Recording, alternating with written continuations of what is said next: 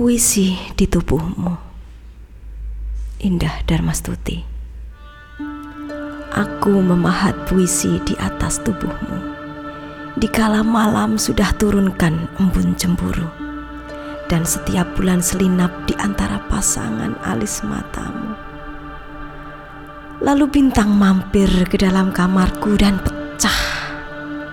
Serpihan itu jatuh di jemariku saat kupahat puisi di atas tubuhmu.